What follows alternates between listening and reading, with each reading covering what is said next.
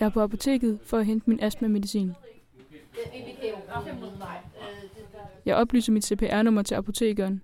Hun kigger på mig og spørger, ved du om hun plejer at få den dyre eller billige inhalator?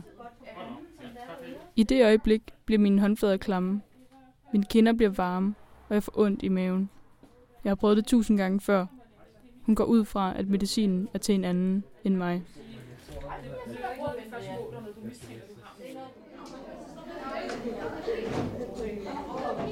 En gang i 8. klasse havde vi en lidt frisk vikar, som tog en navnerunde. Da jeg sagde mit navn, fnøs han og sagde, den har jeg prøvet før. Du kan ikke bilde mig ind, at du hedder Julie. Hvad er dit rigtige navn? Mine klassekammerater begyndte at grine, og jeg flyttede mig nervøst rundt på den hårde træstol i et forsøg på at ryste pinligheden af mig. To af mine venner måtte tage mig i forsvar, men vikaren blev aldrig overbevist, og jeg sagde ikke noget. Måler ikke 37 grader på hvad er normale. Apotekeren stiller mig endnu et spørgsmål. Ved du, om hun er medlem af Danmark? Og til det svarer jeg, nej, det er hun ikke. Samtidig kan jeg mærke, hvordan mine kinder varmer den ansigtscreme, som jeg smurte på i morges.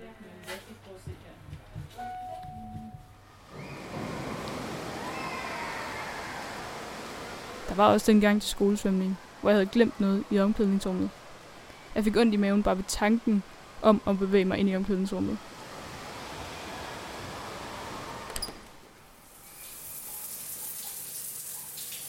Jeg nåede forbi bruserne uden problemer, men pludselig var der en kvinde, som stoppede mig og skældte mig ud, fordi det her jo altså var pigeomklædningen.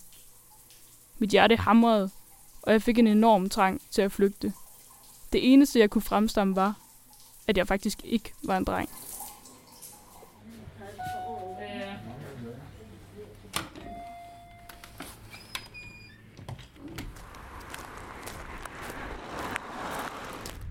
Hvorfor sagde jeg ikke bare, at det var min medicin?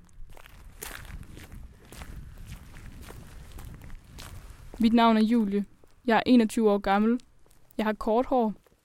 Og så går jeg for det meste i store t-shirts og løse bukser, fordi jeg foretrækker tøj, som skjuler mine feminine træk.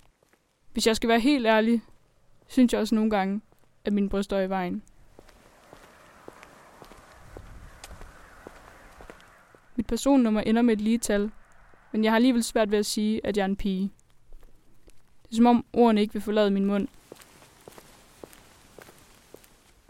Men jeg er altså en pige.